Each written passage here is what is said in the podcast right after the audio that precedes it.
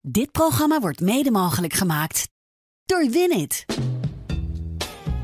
Zo doet zij dat, de podcast van Vrouw. Mariket Hart en Sabine Leenhout zijn vrouw-vrouwen van het eerste uur. Maar hoe doen zij het eigenlijk? Gelukkig heb jij er niet zoveel mee te maken, hè Marieke? We gaan het vandaag hebben over liefdesverdriet. Ja. Het is namelijk eh, komende woensdag uh, Valentijnsdag. Mhm. En eh, eh, nou ja, dat is de dag van de liefde. Maar ja, voor mensen met liefdesverdriet is het waarschijnlijk een eh, hele pijnlijke rouwdag. dag. Een rouwdag, ja. Een pijnlijke Nee dag. hoor, ik geloof helemaal niet in Valentijnsdag. Nee? Dat is een commerciële onzin. Ja, Toen je dat nog vond ver- ik al... Toen je eh, nog verliefd was, deed je toen iets aan nee, Valentijnsdag? helemaal niks. Nee, echt niet. Ik ook niet, eh, hoor. Misschien was dat ook wel een beetje uit zelfbescherming. Omdat de mannen met wie ik mijn leven lang ben geweest daar ook niet aan deden. Nou, Jeroen vindt het ook commerciële onzin. Ja, Maar eh, ik heb altijd één geluk. Eh, we hebben elkaar leren kennen op eh, 14 maart.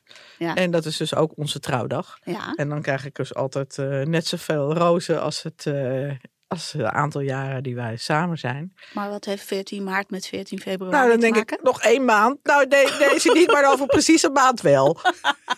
Oh, dat is dan En dan gaan we leuk uit eten. Dus 14 maart is mijn eh, Valentijnsdag. Mm, Hey, Heb maar jij- eh, heb je nog echt druk over gemaakt? mm. Het opgewonden standje. Nee, ik heb wel wat, maar jij ook toch? Ja, Wil jij beginnen? is goed.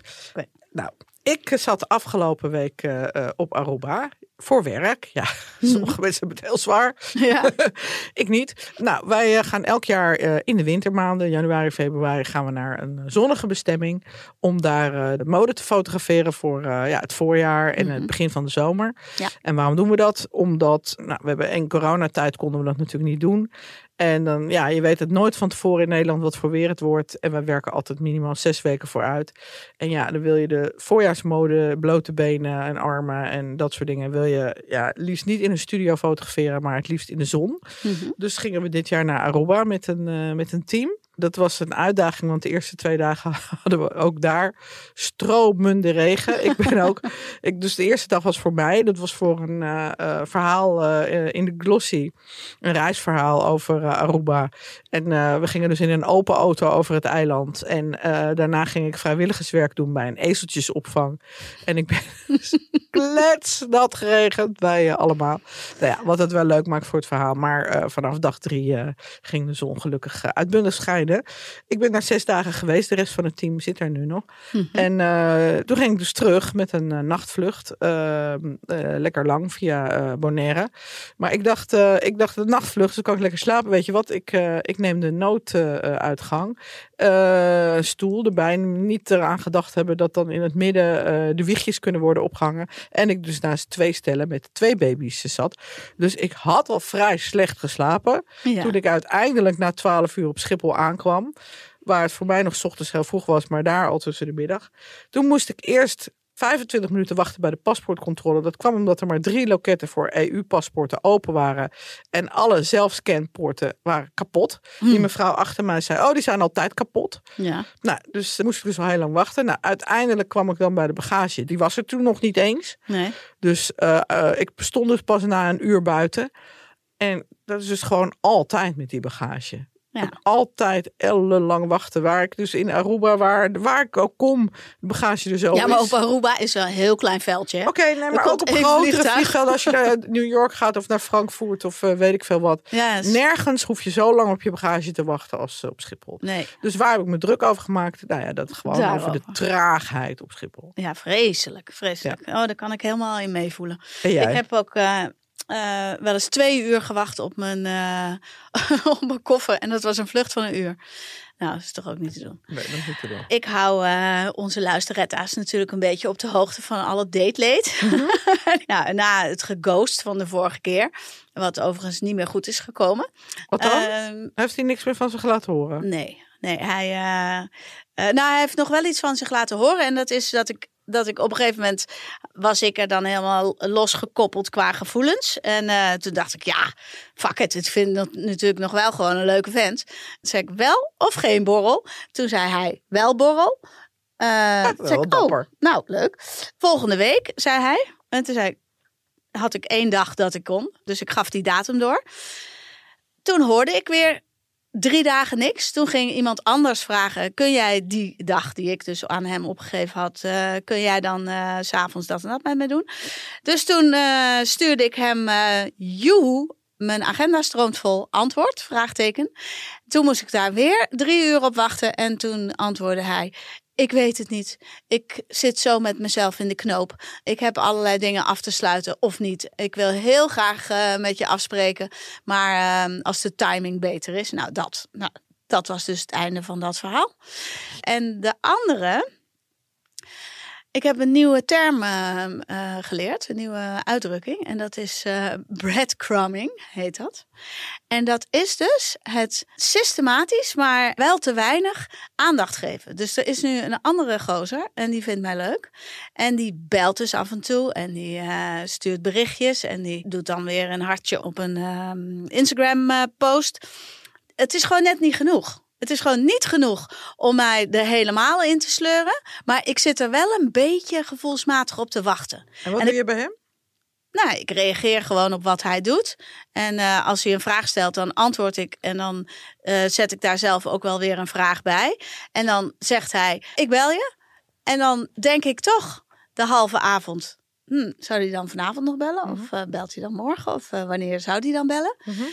Dus het is gewoon net een beetje kut. En dan wacht je geen drie dagen? Nee, ik ga dan niet aan hem lopen trekken. Nee, maar daar ben ik helemaal klaar mee. Ik ga dat gewoon niet meer doen. Dat, Flikker op. dat soort spelletje. Maar het, is wel, het voelt wel als een spelletje. En het is inderdaad dat breadcrumbing. Dus, dus het is een beetje zo die, die, die kruimeltjes uh, uh, om mijn oren gooien. Het is echt je aan het lijntje houden. Ja, ik ben daar gewoon al klaar mee.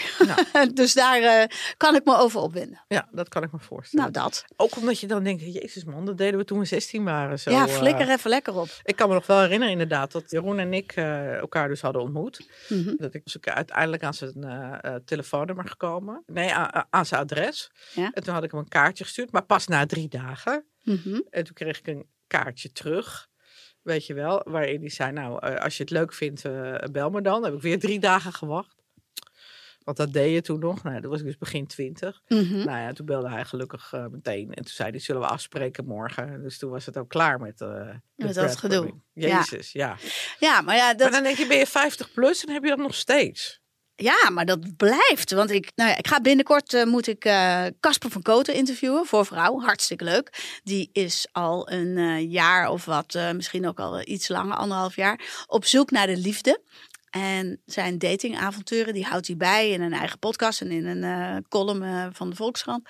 En omdat ik hem ga interviewen en ook over dit onderwerp, moet ik me ook een beetje inluisteren. Dus ik ben zijn uh, podcasts aan het beluisteren. Nou, de, de treurigheid.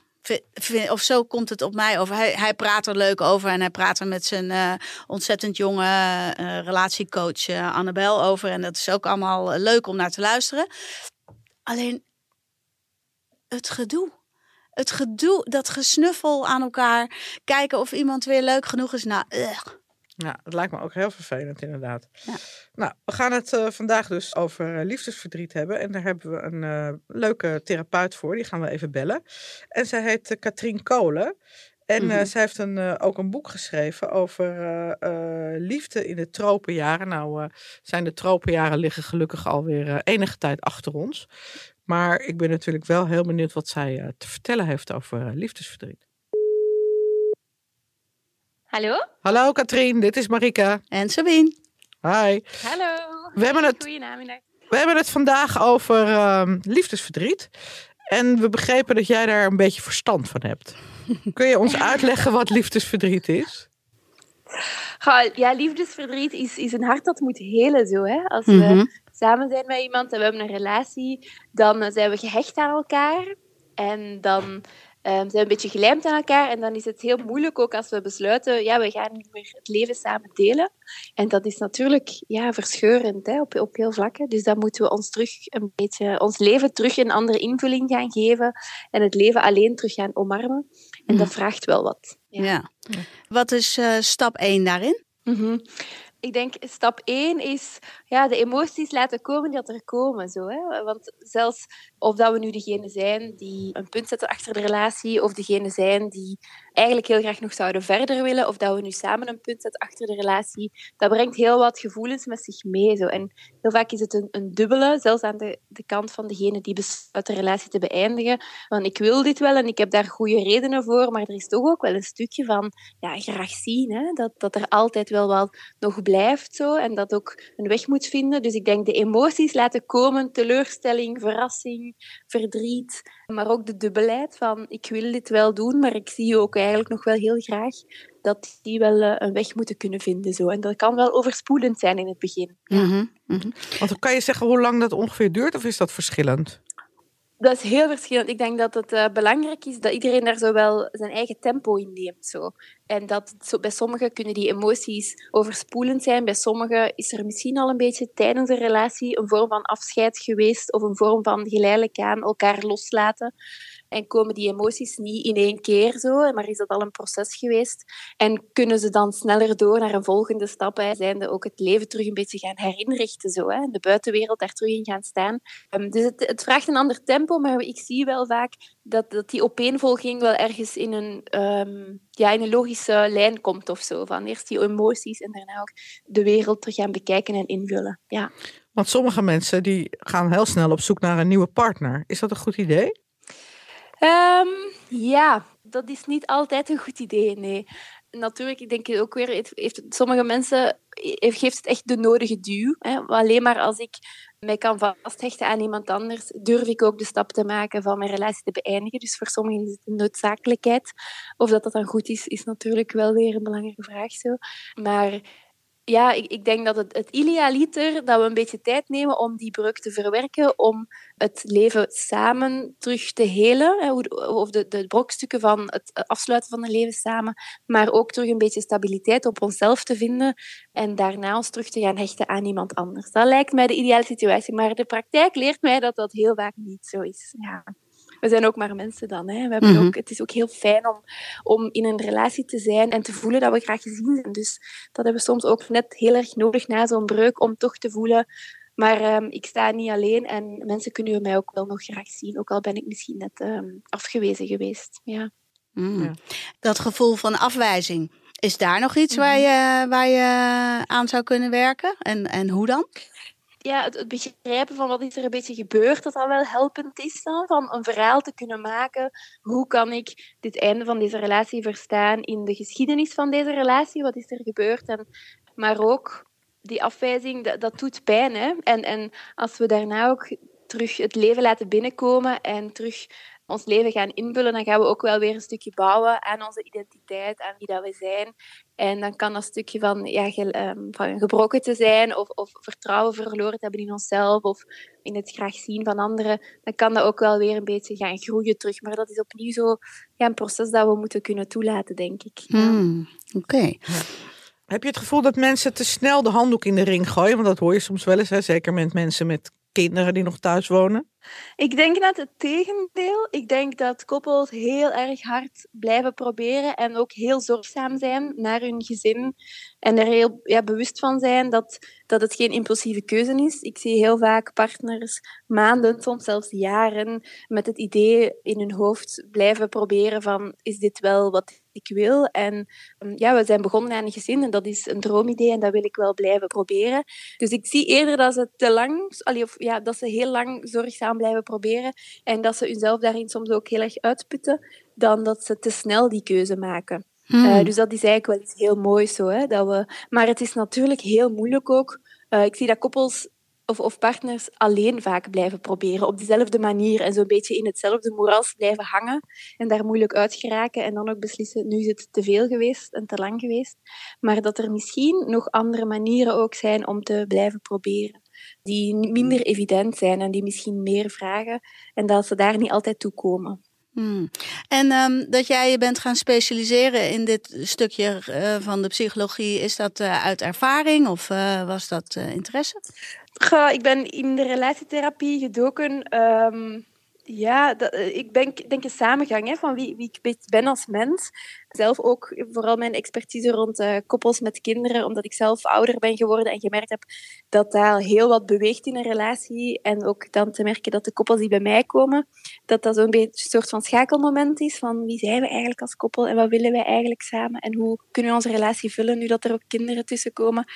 En die, die combinatie samen, ook al tegenslagen natuurlijk gehad zelf in de liefde. Mm. Ja, het is zo mooi. Liefde is iets ontzettend belangrijk in ons leven, waar dat we allemaal naar op zoek zijn en dat we allemaal nodig hebben op een of andere manier. Maar het kan ons zoveel pijn doen ook tegelijkertijd. En die dubbelheid vind ik iets heel rauw en iets heel, um, ja, iets heel mooi om, om mee te werken. Zo. Ja. Mm. ja. ja. Want je hebt een boek geschreven over liefde in de tropenjaren. Ik neem aan dat je dan bedoelt als mensen met kleine kinderen, klopt dat? Ja, het is, de tropenjaren denken we zo heel snel inderdaad aan, aan kleine kinderen tot drie jaar. Maar het boek is eigenlijk geschreven vanuit een, gewoon het idee als ouders zijnde. En het kan zelfs van toepassing zijn voor kindjes die tien jaar zijn. Dus er is niet echt een leeftijdsrange. Maar voor mij gaat tropenjaren vooral over het gevoel van overspoeld te zijn door de drukte van een leven. Mhm. En daarin onze partner soms een beetje te verliezen of zo langs elkaar te gaan beginnen leven. Dus meer een gevoel dan een leeftijdsgrens uh, of zo. Van Want ik ken ook veel koppels waarbij eh, het juist misgaan als de kinderen de deur uit zijn en ze dus met z'n tweeën achterblijven. Ja, precies. Ja. Het gemeenschappelijk engagement van samen die, die kleine kinderen te laten opgroeien eindigt dan zo'n beetje. Hè. Het project is klaar, of toch zo goed als bijna klaar. De rol van ouderschap wordt minder. En dan komt er net heel wat ruimte voor een koppel. Maar vaak is er dan een optelsom geweest van de jaren de, voorheen, de 18, 19, 20 jaren van samen een kind opvoeden, dat dan ineens wel zijn tol begint te krijgen. Omdat er ook ruimte is om te voelen, om te merken wie zijn wij nu eigenlijk nog samen. Ja. Dan kan het een moment zijn van we nemen het samen vast en we kijken waar dat we nog invulling kunnen geven aan dit leven samen. Of ja, we zijn al zo erg uit elkaar gegroeid in die twintig jaar. Ik voel me niet meer geëngageerd om dichterbij te komen. En mhm. het lijkt mij fijner om dichterbij ja, mijn eigen leven te geraken of, of een ander leven te gaan invullen. Ja. Is relatietherapie dan een goed idee? Ik denk van wel, ja. Ik denk dat relatietherapie steeds een goed idee is, ongeacht de vraag van een koppel of waar ze zijn in hun relatie. Omdat het, het, het toont mij, de koppels die ik zie vertellen mij dat zelfs als ze later nog uit elkaar gaan, dat ze heel wat geleerd hebben over hunzelf. Relatietherapie is een beetje de mooie dubbelheid van individuele therapie, maar dan met je partner, maar ook het stukje van de relatie dat erbij komt. Dus het is eigenlijk een drieledige therapie. Zo. En uh, dat, is, ja, dat is along the way altijd wel ergens een beetje een winst geweest. Zo. Nou, dankjewel. Ja. Wijze woorden. Ja, duidelijk verhaal. dankjewel. dankjewel. Hè. Dag, dag. Ja, wat vond je nou, ervan? Ja, wat zij vertelt is natuurlijk een heel duidelijk verhaal. Ik ging natuurlijk een beetje uh, voor mijn eigen uh, situatie haar bevragen. Ja, dat je die dingen toch maar allemaal toe moet laten. Die emoties? Ja. Ja, dat kan ik me voorstellen. Zij raadt dus eigenlijk wel relatietherapie aan. Heb jij dat ooit gedaan? Ja, ik heb dat ooit gedaan. En ik heb, dat was met de ex-genoot. En dat was nadat uitgekomen was dat hij het met zoveel andere vrouwen deed. Toen uh, zijn wij twee of drie keer of zo bij haar geweest. Op aanraden van andere mensen die daar uh, ook baat uh, bij hadden gehad. Anderhalf maand geleden heb ik het daar toevallig met hem over gehad. En toen zei hij, ik was daar gewoon niet aan toe op dat moment. Ik moest namelijk het gesprek met mezelf daarvoor heel mhm. erg aangaan. Ja. En dat kon ik niet. Dat kon ik op dat moment niet.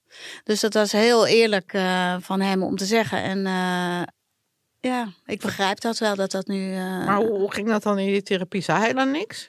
Jawel, hij zei wel iets. Maar dan zei zij bijvoorbeeld... Ja, het is heel belangrijk dat je je achterland uh, een beetje duidelijk voor jezelf hebt. De relatie van zijn eigen ouders moest hij uh, beschouwen. En hij moest zijn eigen gedrag heel kritisch gaan bekijken. Weet je, hoe kom jij dan thuis van zo'n vlucht? je hebt een beetje een magisch idee van hoe het leven in elkaar steekt. Alsof je de knopen op je blouse stelt en onderaan begint. Nou, ze komt er niet achter, ze komt er wel achter. Ze komt er niet achter, ze komt er wel achter.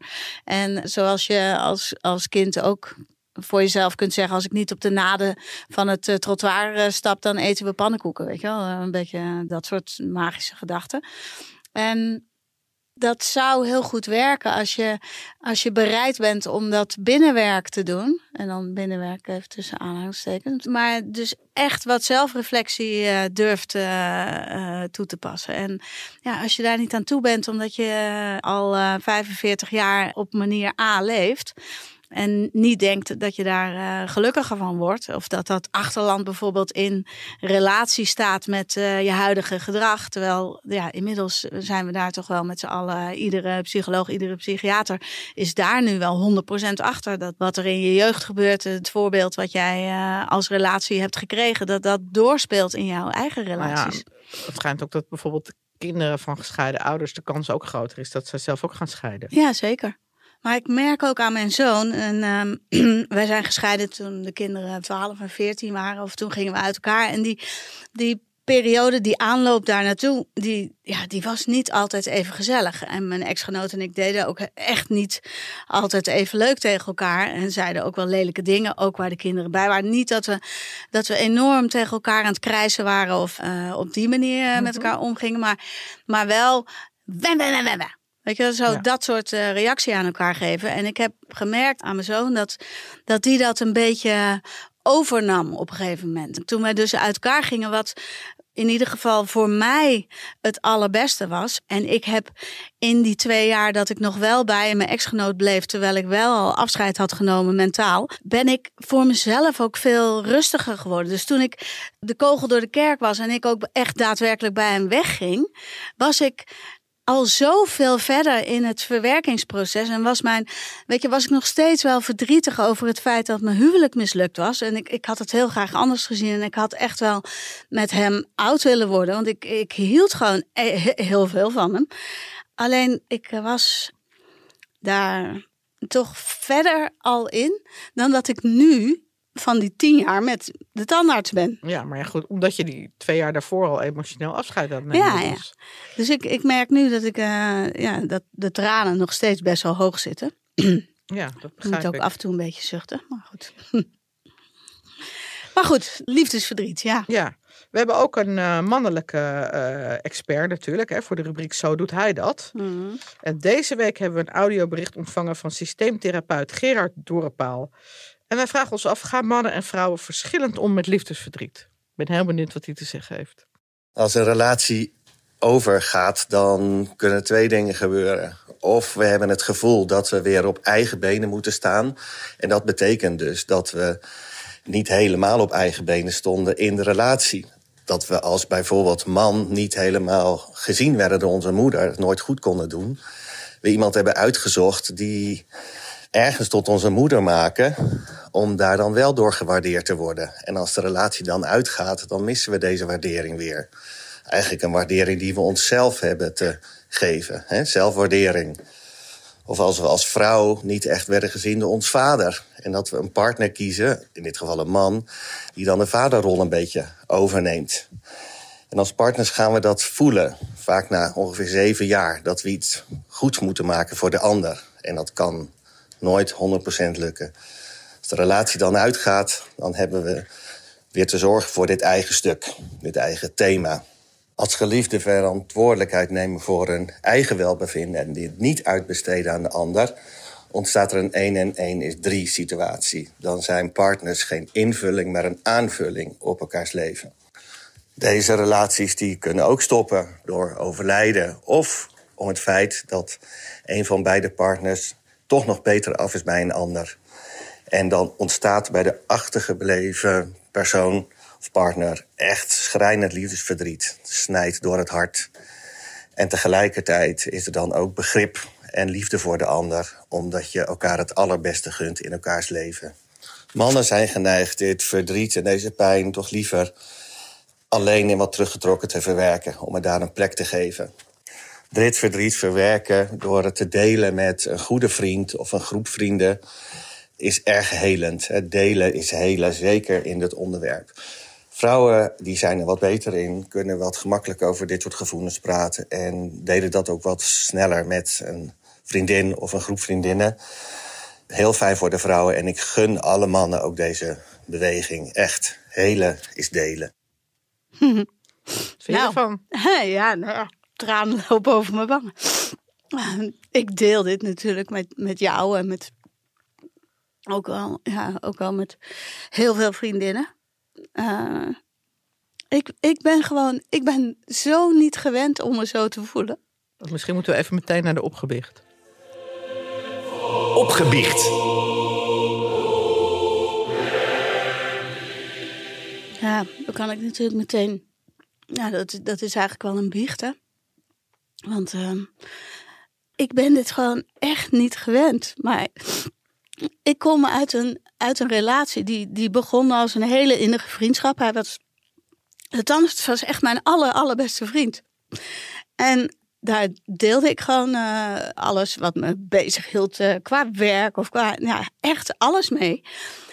En met dat dat uitging en hij meteen een nieuwe relatie kreeg, is die vriendschap ook uh, meteen helemaal over. Ja, dus en dat, dat mis je ook.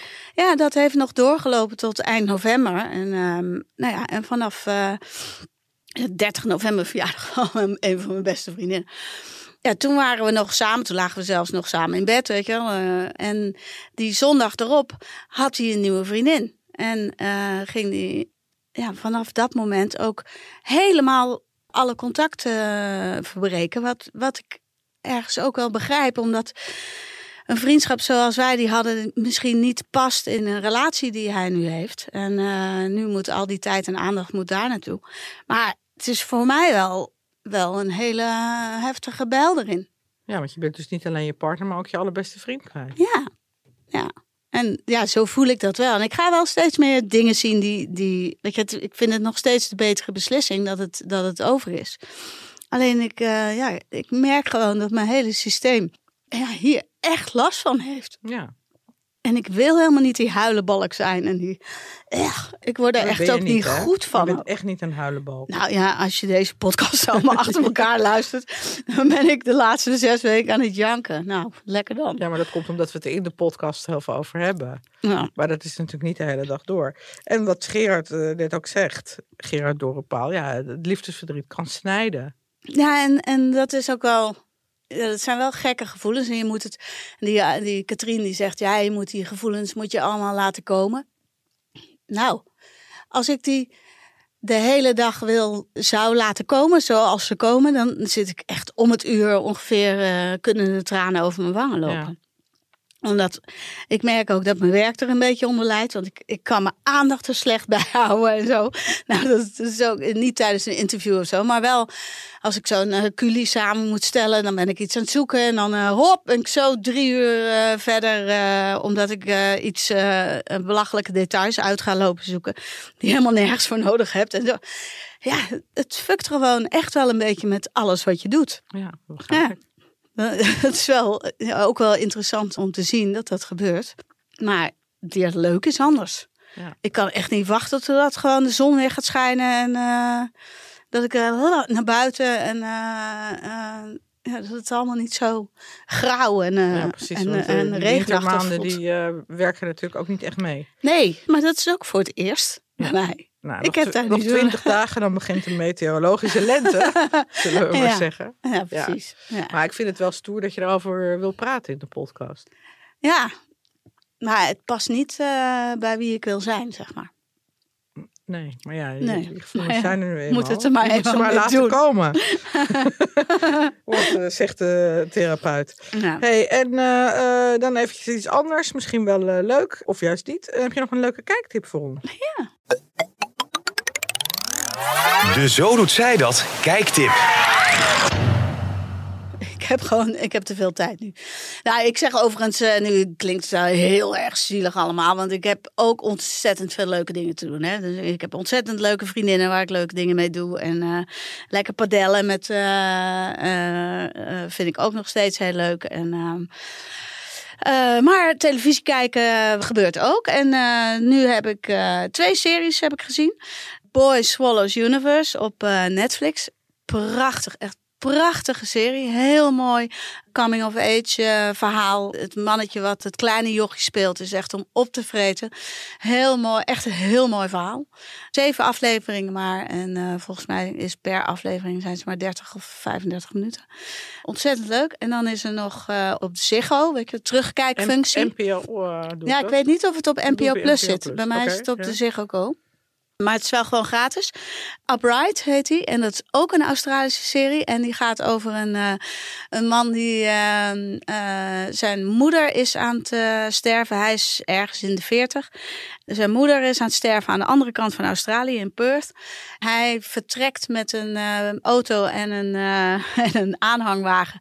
Met daarop de piano van zijn oma. Want hij is pianist en hij speelde ook in een band. En hij gaat die piano naar zijn stervende moeder brengen. Dat vindt hij een mooi project. Maar hij heeft gebroken met de familie. Want uh, ja, dat ga ik niet vertellen, want spoiler alert. Komt hij een heel jong meisje tegen. Die weggelopen is uh, van huis en uh, in een pick-up truck naar de andere kant van uh, Australië aan het rijden is. Nou, echt ook weer heel mooi, hartverscheurend, prachtig gespeeld. Mooie beelden.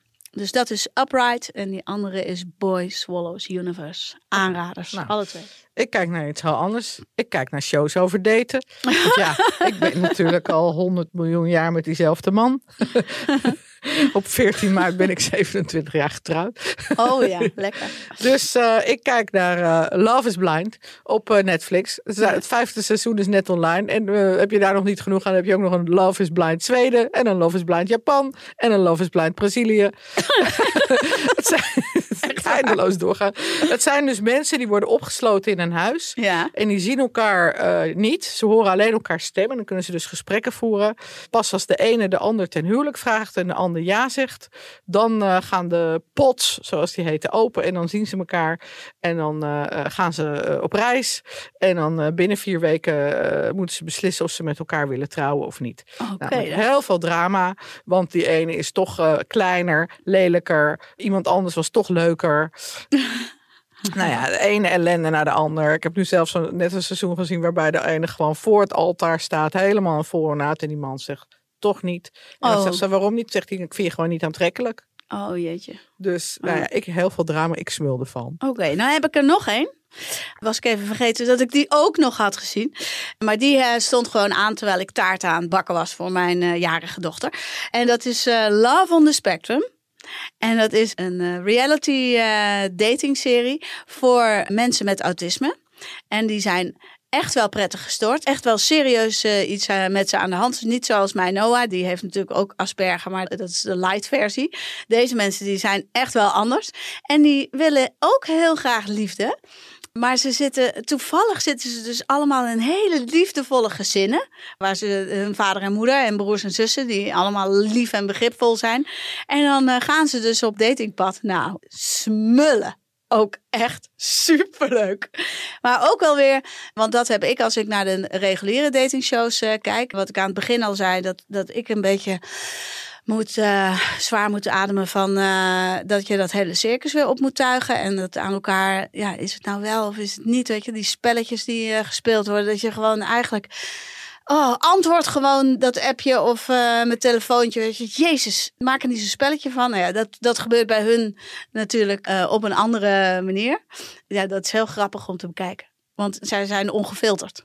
Dus Heerlijk. zij zeggen meteen uh, wat er aan de hand is, of niet. Of hoe, dan heeft er iemand een bril op en dan gaan ze heel slecht op brillen. En dan, oh, dan zie je hem, dan zie je hem ademen, joh. En hij heeft het zwaar. En eigenlijk wil hij zeggen, oh, ik wil die bril niet. Maar goed, dat zegt hij dan toch niet. Nou ja, heerlijk. Ik uh, hou er wel van. Ik ook. Ja. Nou, dank voor het luisteren. Ja. Tot de volgende keer. Ja. Vergeet ons niet een paar uh, sterren te geven in uh, je favoriete podcast app. En je kunt ons ook volgen op Instagram onder het kopje Zo doet zij dat. Ja, en uh, nog even iets anders hè. Ja. We hebben onze kopij ingeleverd van ons boek. Ja! ja. En er is een verschijningsdatum. 23 april Ja. ligt het boek in de winkel. Hoe leuk is dat hè? Ja, Ja. dat is heel leuk. We Ja. gaan ook een speciale eh, podcast maken rondom de verschijning van het boek. Waarvoor je ons vragen kunt stellen. Dat kun je nu Oh al doen. Maar eh, nou ja, daarover later meer. Dank voor het luisteren nogmaals. Doeg! Dag dag.